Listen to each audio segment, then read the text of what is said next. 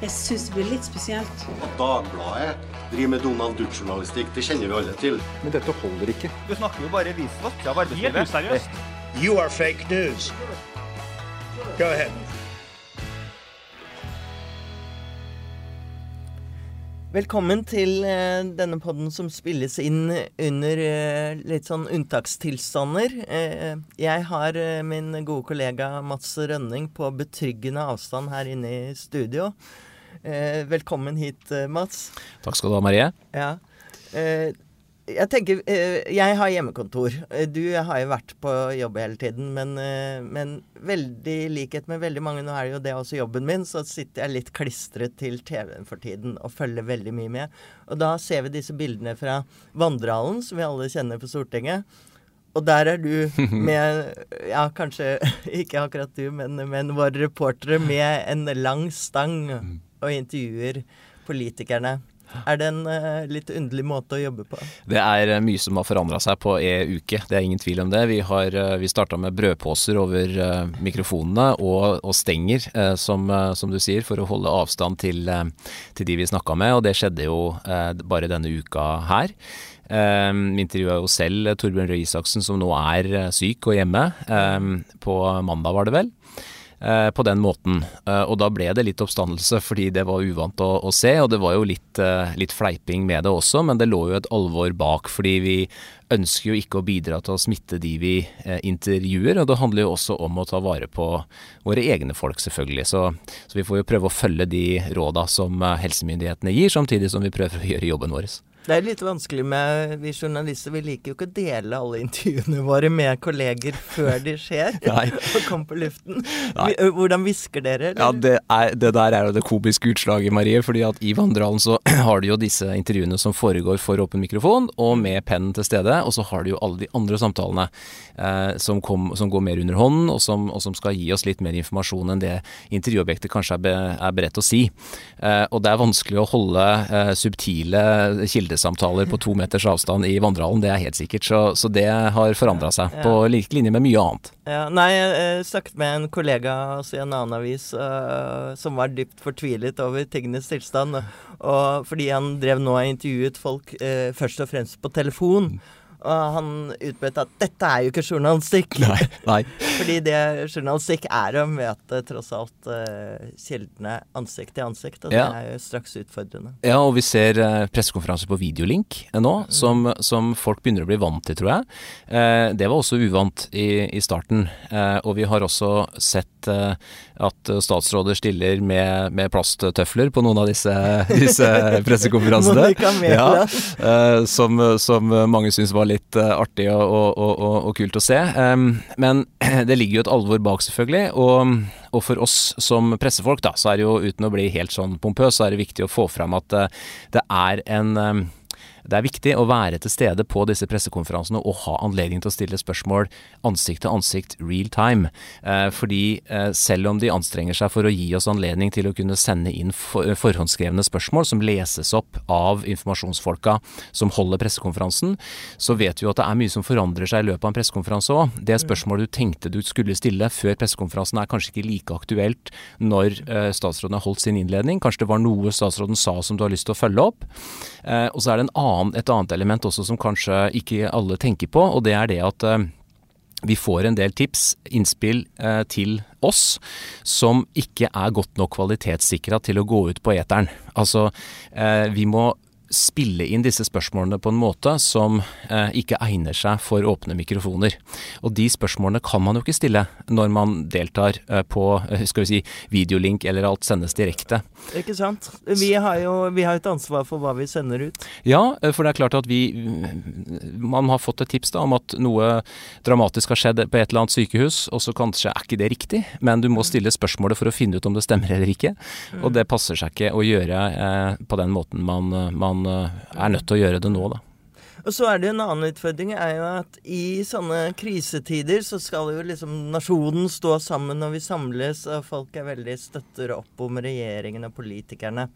Og vi i mediene har jo faktisk egentlig fått kjeft både for at vi er for kritiske, men også kjeft for at vi er litt for servile og slutter opp om regjeringen på samme måte. Ja. Eh, altså, Mediene er jo som et såpestykke i et badekar. Vi er aldri helt lett å få tak på. Det ene øyeblikket mener vi det ene, og det andre øyeblikket så stiller vi spørsmål med den andre uh, innfallsvinkelen. I Dagbladet fikk vi jo mye tilbakemeldinger om at vi overdrev koronakrisen, at vi skrev for mye om den, at vi bidro til en fryktstemning tidlig i denne prosessen.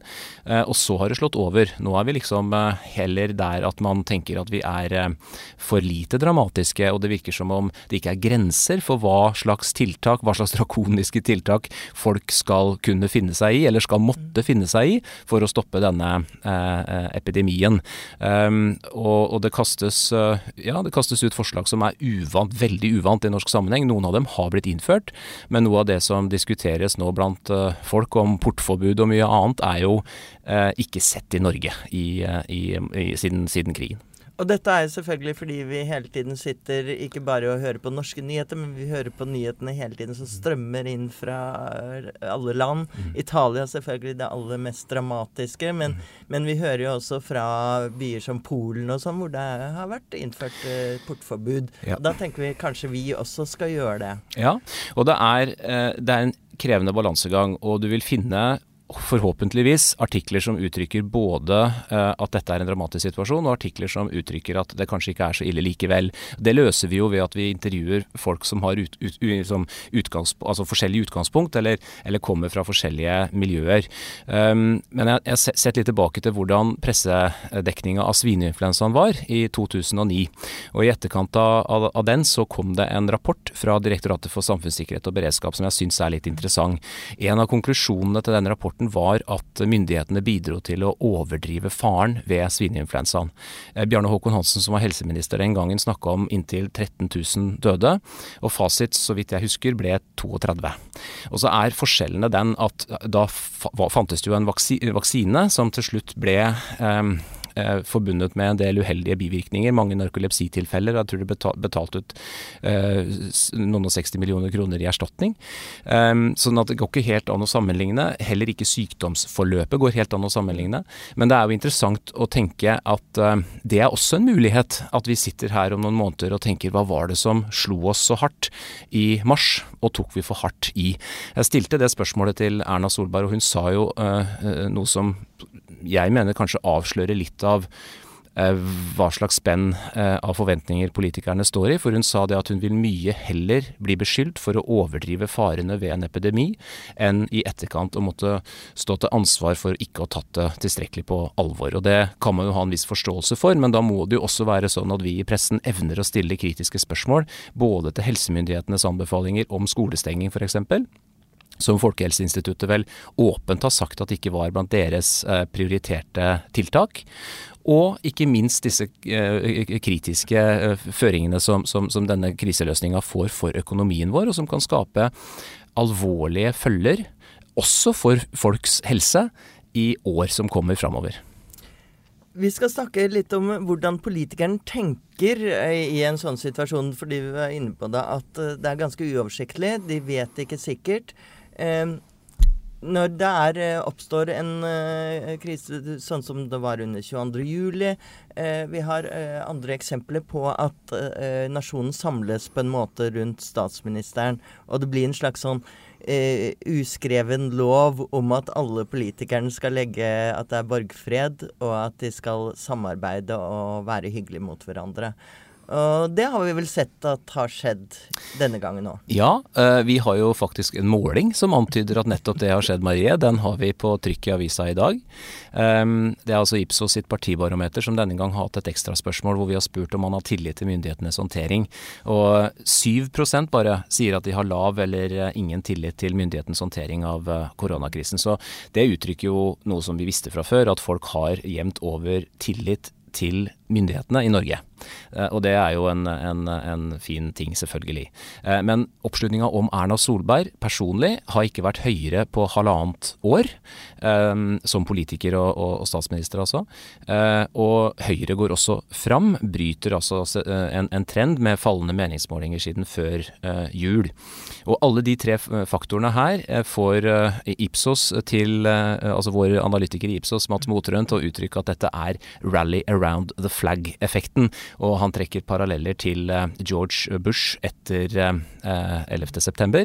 og vår egen Jens Stoltenberg etter 22.07. Selv om Men- de krisene er jo forskjellige, selvfølgelig, men, men de har noen likhetstrekk. Men det er jo nettopp ikke en eh, selvfølge, dette her. Jeg har skrevet en kommentar denne uken om eh, målinger i USA som viser at uh, amerikanerne stoler ikke så veldig på Donald Trump. Så det er ikke noe automatikk i det, og Boris Johnson sliter også i Storbritannia. Så det å ha tillit, eh, få en sånn tillit i hele befolkningen, ikke minst blant folk som ikke har stemt på deg og er uenig med deg politisk, det er, det er gull verdt i en sånn tid. Så er det jo også sånn at de andre partiene på Stortinget, det er eh, ikke helt altså Det er eh, litt sånn kutyme at man skal være hyggelig mot hverandre, som jeg sa, men, eh, men det er jo også fordi at folk reagerer litt hvis, hvis man begynner å kjøre politiske kjepphester i en sånn stund. Ja, eh, og, og dette kommer til, altså, dette- de, denne borgfreden som vi ser nå, den kommer til å få en annen form etter hvert. Og den er bare en uke eh, gammel. Eh, I forrige uke på Det er det vi- det virker vi, som en ja, det, evighet. Det er det det gjør. I, til begynnelsen av forrige uke så, så diskuterte jo eh, Stortinget saken, og, og da fikk re, regjeringa kraftig kritikk. Både fra Fremskrittspartiet, men også fra Arbeiderpartileder Jonas Gahr Støre, som, som pekte bl.a. på at eh, det var en ulik tilnærming som kommunene hadde. Akkurat for øvrig en eh, kritikk som DSB sto for i 2010 også. Og det ble også påpekt at det virka som om det ikke var helt optimalt samarbeid mellom tri dette triangelet av Helsedepartement, Helsedirektorat og FHI, som også var en av funnene i denne rapporten som jeg nevnte. Da intervjua vi helseminister Bent Høie Vandralen etterpå, og han forklarte hvorfor for den gangen, var, altså det er tirsdag i forrige uke, eh, da, da fikk han spørsmål hvorfor gjør dere ikke mer? Hvorfor stenger dere ikke eh, altså Skolene ble vel, ble vel nevnt, men i hvert fall eh, rushtrafikken og, og, og sånt. Og så sier han at han da advarte han mot å bruke de mest inngripende tiltakene for tidlig i kampen mot koronaviruset, fordi det kunne gå på tilliten, tilliten eh, løs. Han, han sa at det kunne være livsfarlig faktisk å, å, å, gjøre, å gjøre det, fordi at at folk ikke da vil ha tillit til, eh, til, eh, til eh, hvordan man, man løser situasjonen. Og så gikk det to dager. Og de mest inngripende tiltakene i fredstid kom. Um, og Jonas Gahr Støre har i ettertid beskrevet det overfor Dagbladet som, som at det var et før og etter um, onsdag-torsdag i, i uka som gikk. Ikke sant? Men, men man kan likevel spørre seg altså annet denne stengingen av skolen skjedde vel etter et lang, kraftig press i sosiale medier også. At eh, eh, Vi kjenner jo til denne eh, serien Yes Prime Minister, hvor han sier I'm their leader, I must follow them. Ja, ja. og, og, så det er en eh, vanskelig balansegang der også. Det er det, vi, og vi har jo vi har prøvd å finne ut av hva det var som fikk eh, regjeringa til å snu. og det, det, selvfølgelig det viktigste bidraget er jo de klare råda som de sier å, sies å ha fått fra Helsedirektoratet. Men alle våre kilder sier at folks oppfatning også har spilt inn. De har tatt eh, skal vi si, folk, folket på pulsen og, og fanga opp at, at nå var veldig mange klar for at, eh, at man skulle ta slike grep. Og det viser seg vel, som også vår undersøkelse antyder, at dette med de dramatiske tiltakene de grep til, med skolestenging og sånn, har oppslutning, selv om det har store kostnader, og også for familiene. Um, eh, men så så de også hvordan de svarte ute i Europa, og de var spesielt tror jeg, er inspirert av, eh, av Danmark. Vi stilte mange spørsmål om Mette Fredriksens håndtering eh, til statsministeren gjentatte ganger, og, og hun ga synlig uttrykk for at hun ikke akkurat likte å bli sammenligna med og påminna om hva Mette Fredriksen gjorde, og, og skjøv helsemyndighetenes anbefalinger foran seg. Jeg tror det var Dagens Næringsliv som gjorde et poeng av det, at hun forlot et eh, intervju tidlig torsdag i morgen i forrige, forrige uke, da hun fikk spørsmål om Mette Fredriksens eh, håndtering. Da kan hun jo ha visst at hun kom til å legge fram noe som eh, skulle matche Danmark da, litt seinere på dagen, men, eh, men det er klart at også politikerne er utsatt for et press, og de, og de kan ikke risikere å bli eh, anklaga i etterkant for å eh, ikke ha tatt dette eh, på tilstrekkelig alvor. Problemet er jo da at det oppstår et miljø hvor det nesten ikke er grenser for hva de kan innføre av, eh, av tiltak som har en viss støtte i befolkninga. Og hver gang vi skriver kritisk om forslagene som kommer fra regjeringa, så får vi nå mailer som vi ikke har fått så mange av før, der man tar regjeringa og Erna Solberg kraftig i forsvar og antyder at vi ikke har nasjonens beste i, vår, i våre tanker når vi skriver kritisk om eh, forslagene som kommer. Er det eh, Jeg skal snakke litt med en økonom eh, også i denne episoden, men, men snakker politikerne Tenker de overhodet over at, at tiltakene At det er en vanskelig balansegang mellom de samfunnsøkonomiske konsekvensene og det at man skal redde liv. Ja, helt, helt opplagt gjør de det. Uh, det. Og det var jo noe av grunnen til at de venta så lenge uh, også. Uh, nå har de trykka på knappen og man er i en annen situasjon. Men så må vi jo huske at vi er jo veldig godt stilt, da. Altså de, eh, selv om det er eh, tiltak i 100 milliarder kronersklassen, så er det knapt merkbart uh, i, når, man, når, man, ser på oljefondets størrelse. Og, og, denne gang får vi vite at selv i Finansdepartementet, som vanligvis holder veldig tilbake, så har man hatt forståelse for at man må virkelig bruke gasspedalen i denne situasjonen. men det de er urolig for, er jo hvor lenge det vil vare, og også hva slags langsiktige Eh, effekter det vil få.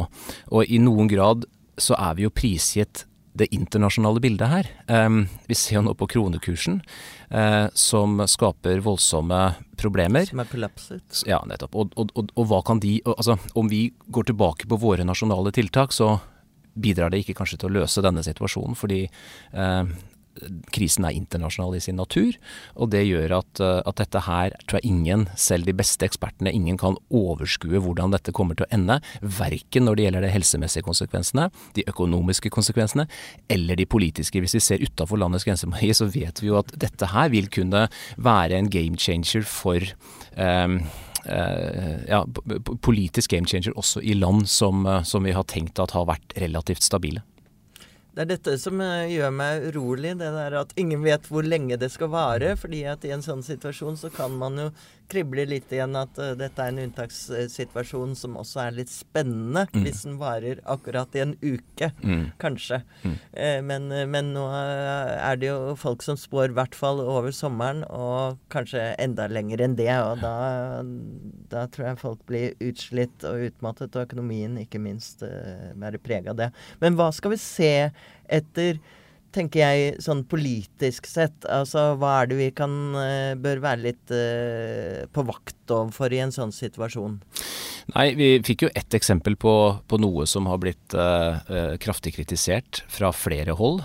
Denne kriseloven som, som nå blir vedtatt på Stortinget på et ekstraordinært møte i morgen. Um, det er altså et, det er en lovtekst som hadde vært ute til Heretter kalt koronaloven. Koronaloven, ja, rett og slett. Og, og som har nå, ligger nå til behandling i det som kalles koronakomiteen på Stortinget.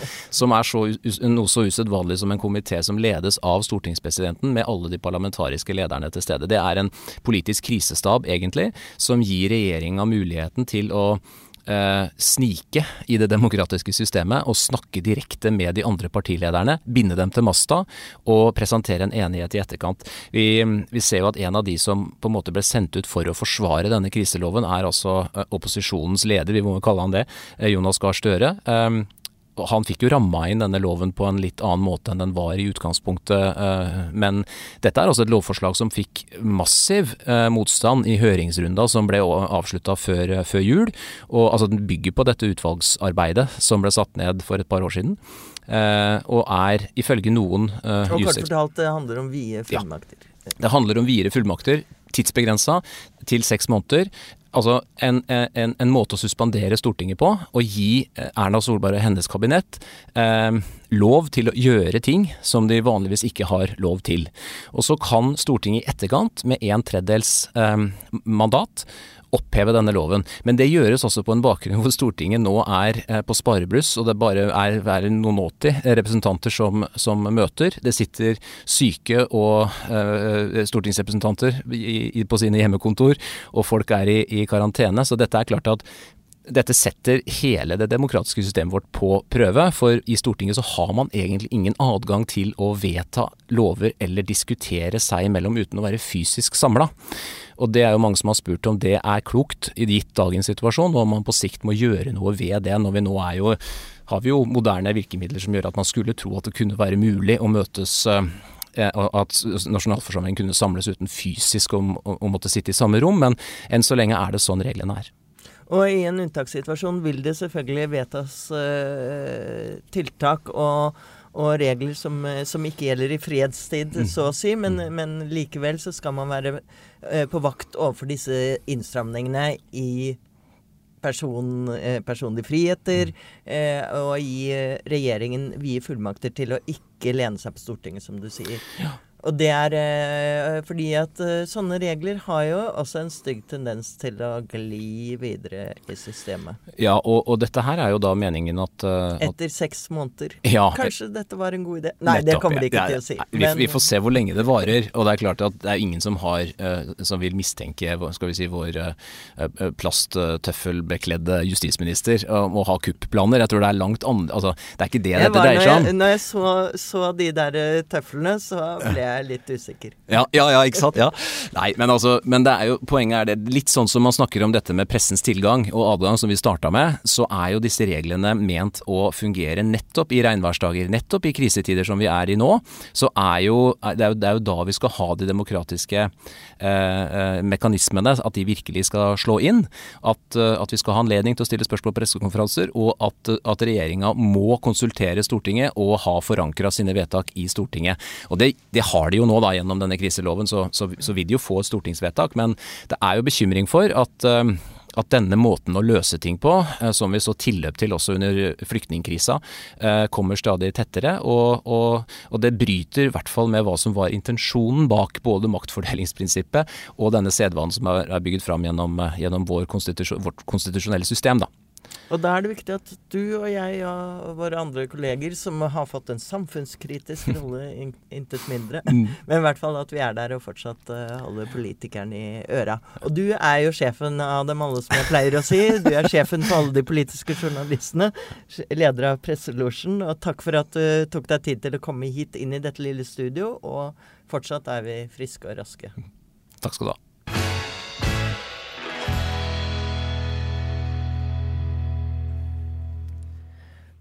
Nå skal vi snakke litt om økonomien i koronapandemien. Altså Bare for en uke siden så husker jeg at uh, folk på, i sosiale medier var litt sånn oppgitt over folk som var opptatt av økonomien, mens nå snakker vi nesten ikke om annet. Uh, for koronapandemien er jo ikke bare en helsekrise, den er også en økonomisk krise. Og etter bråstopp i økonomien har det allerede rammet hundretusener av nordmenn. Og Norge er selvfølgelig heldige. Vi har et gigantisk fond som sikkerhetsnett, men vi slipper ikke likevel unna nedgangstider og massearbeidsledighet, skal vi tro ekspertene.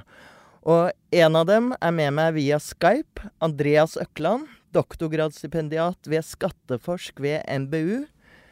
Hei, Andreas. Hallo. Hei. Ja, så Mange kjenner jo deg kanskje også som tidligere kommentator her i Dagbladet. Og det er jo det de sier om journalistikk, at uh, du kan komme så langt du vil bare du slutter i tide. Ja. Så gratulerer med det. Takk. Det, Men, det, føles godt å ha litt jobbsikkerhet i disse tider. Det er det. Det er det. Men mange sier nå rett ut at de aldri har opplevd noe lignende. Dette har aldri skjedd før, og at vi er midt oppi et gigantisk eksperiment. Og da lurer jeg på, øh, jeg som øh, begynte faktisk min karriere med å dekke børskrakket for øh, Dagens Næringsliv i 1987, hvordan, hvordan skiller dette som skjer nå seg fra dette børskrakket på 80-90-tallet og finanskrisen i 2008? Kanskje den viktigste forskjellen er at dette er noe vi vil. Um, vi har bestemt oss for at vi skal stoppe dette viruset, og da må vi stenge ned deler av økonomien. Og da får jo det konsekvenser. sant? Eh, og dette begynte jo med at Kina bestemte seg for at de måtte stenge ned deler av sitt samfunn eh, for å stoppe viruset i Kina. Så førte det at oljeprisen falt. Eh, etterspørsel etter varer som vi produserer, falt. Særlig olje, da, ikke minst. Som begynte å få effekter på vår økonomi. Og nå er viruset kommet her til oss, og da har vi gått så langt at vi har stengt ned noe som er nærmere halvparten av privat sektor her i Norge. Eh, og det har jo store effekter. Men det som er fordel for oss, og det som er flaks for oss, er at vi har det store fondet som gjør at vi i hvert fall midlertidig kan betale de som nå står utenfor jobb, de som ikke har kunder, eh, for å sitte hjemme og passe på seg selv og sin egen helse. Men det du sier er jo på en måte at midt oppi dette at vi har det er veldig privilegerte som har penger, så mye penger på bok, så blir vi også rammet litt ekstra hardt pga. at vi er så avhengig av oljen. Ja, det er jo det som er tosiden her, da. Fordi at på ene siden så har vi oljefondet. Men det andre er jo at vi har en økonomi som er veldig åpen, uh, som baserer seg på å selge ting til utlandet, da, og ikke minst olje. Og oljeprisen har jo falt, uh, halvert seg vel så det uh, de siste månedene. og ikke minst har utsiktene for oljeprisen også framover begynt å svekke seg. Så nå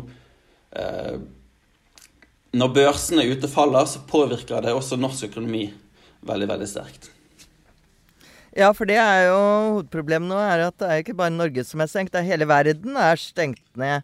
Og at da en av våre viktigste, eller vår viktigste næring er, er kollapset. Men hvor det er kanskje dårlig gjort å spørre en økonom, uh, for det kommer til å komme tilbake til deg. Men ingen hører på dette om et halvt år, Andreas. Uh, hvor, hvor ille tror du dette kan bli, og hvor lenge vil det vare? Um, nå er jeg så heldig at uh, istedenfor å spå selv, så kan jeg lene meg på de aller aller ferskeste prognosene fra Finansdepartementet, som kom nå for ti minutter siden. Uh, og de uh, anslår nå at vi nå vil ha negativ vekst i Norge i, i 2020.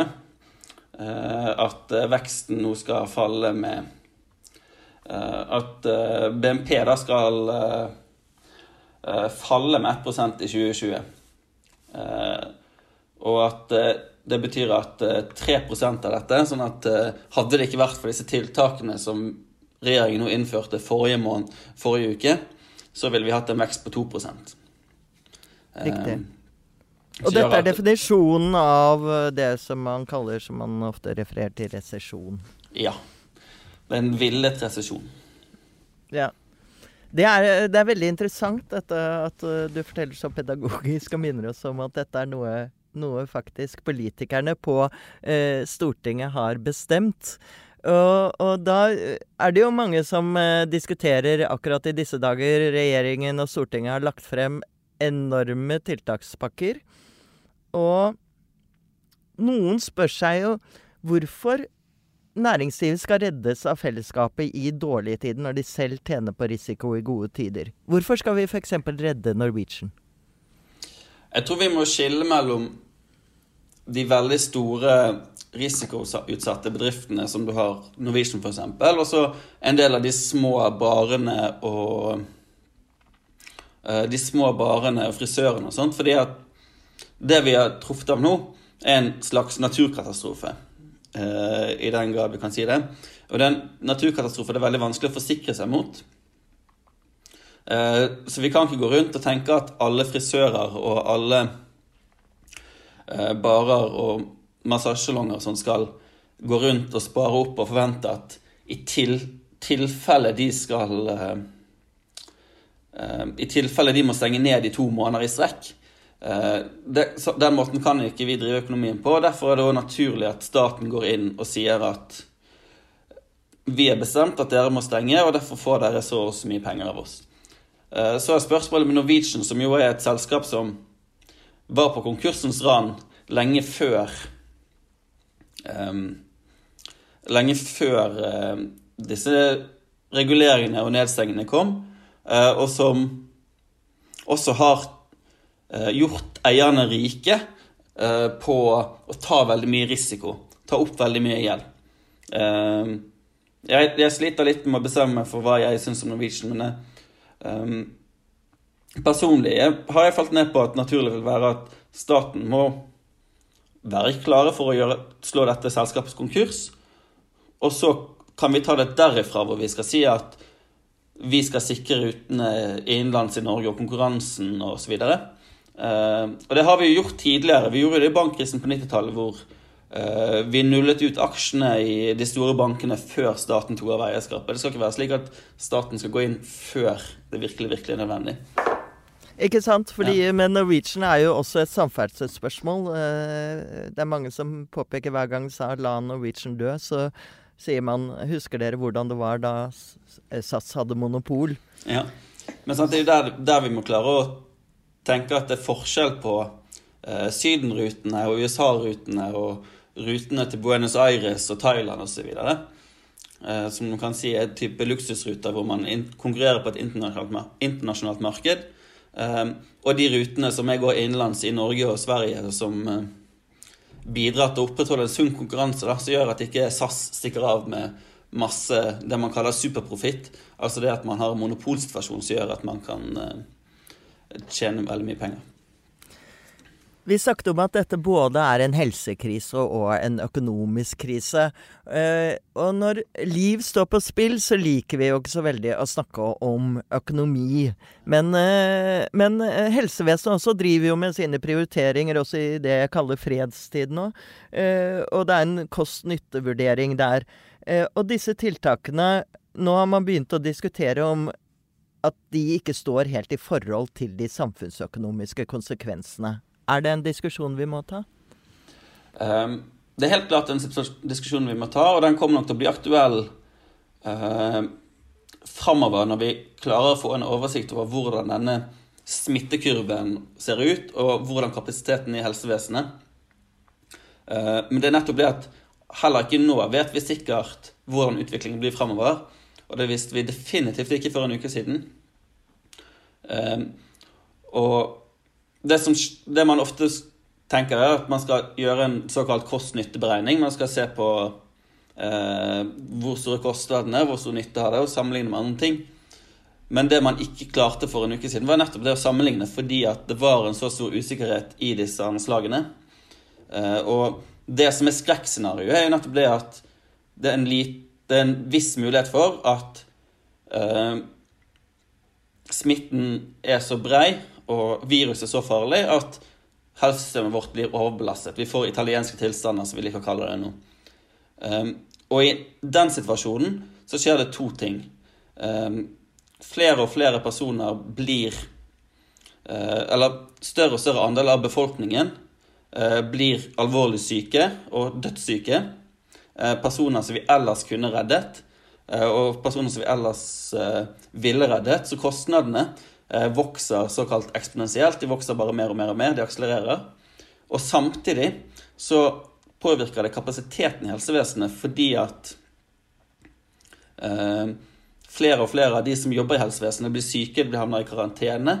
Eh, så, vi, det, så, det, finnes en terskel der eh, hvor man har et, det man i økonomien kaller et annet, eh, en annen likevekt. Eh, hvor det er veldig vanskelig å liksom gjøre disse klassiske avveiningene som vi er vant til å gjøre i helsevitenskapen. Nettopp fordi det er en terskel som vi går over, og så spinner alt ut av kontroll. Eh, så det er litt som å uh, balansere på et stup, sant. Uh, og faller du utenfor, så er du død. Da er det game over. Det blir bare verre og verre. Da må du ikke ta et skritt frem, som de sier. Ja. Men Så det du sier, er at det er litt vanskelig å ta også denne litt kyniske vurderingen at de samfunnsøkonomiske konsekvensene, rent hvis man ser på det rent økonomiske, blir for høye?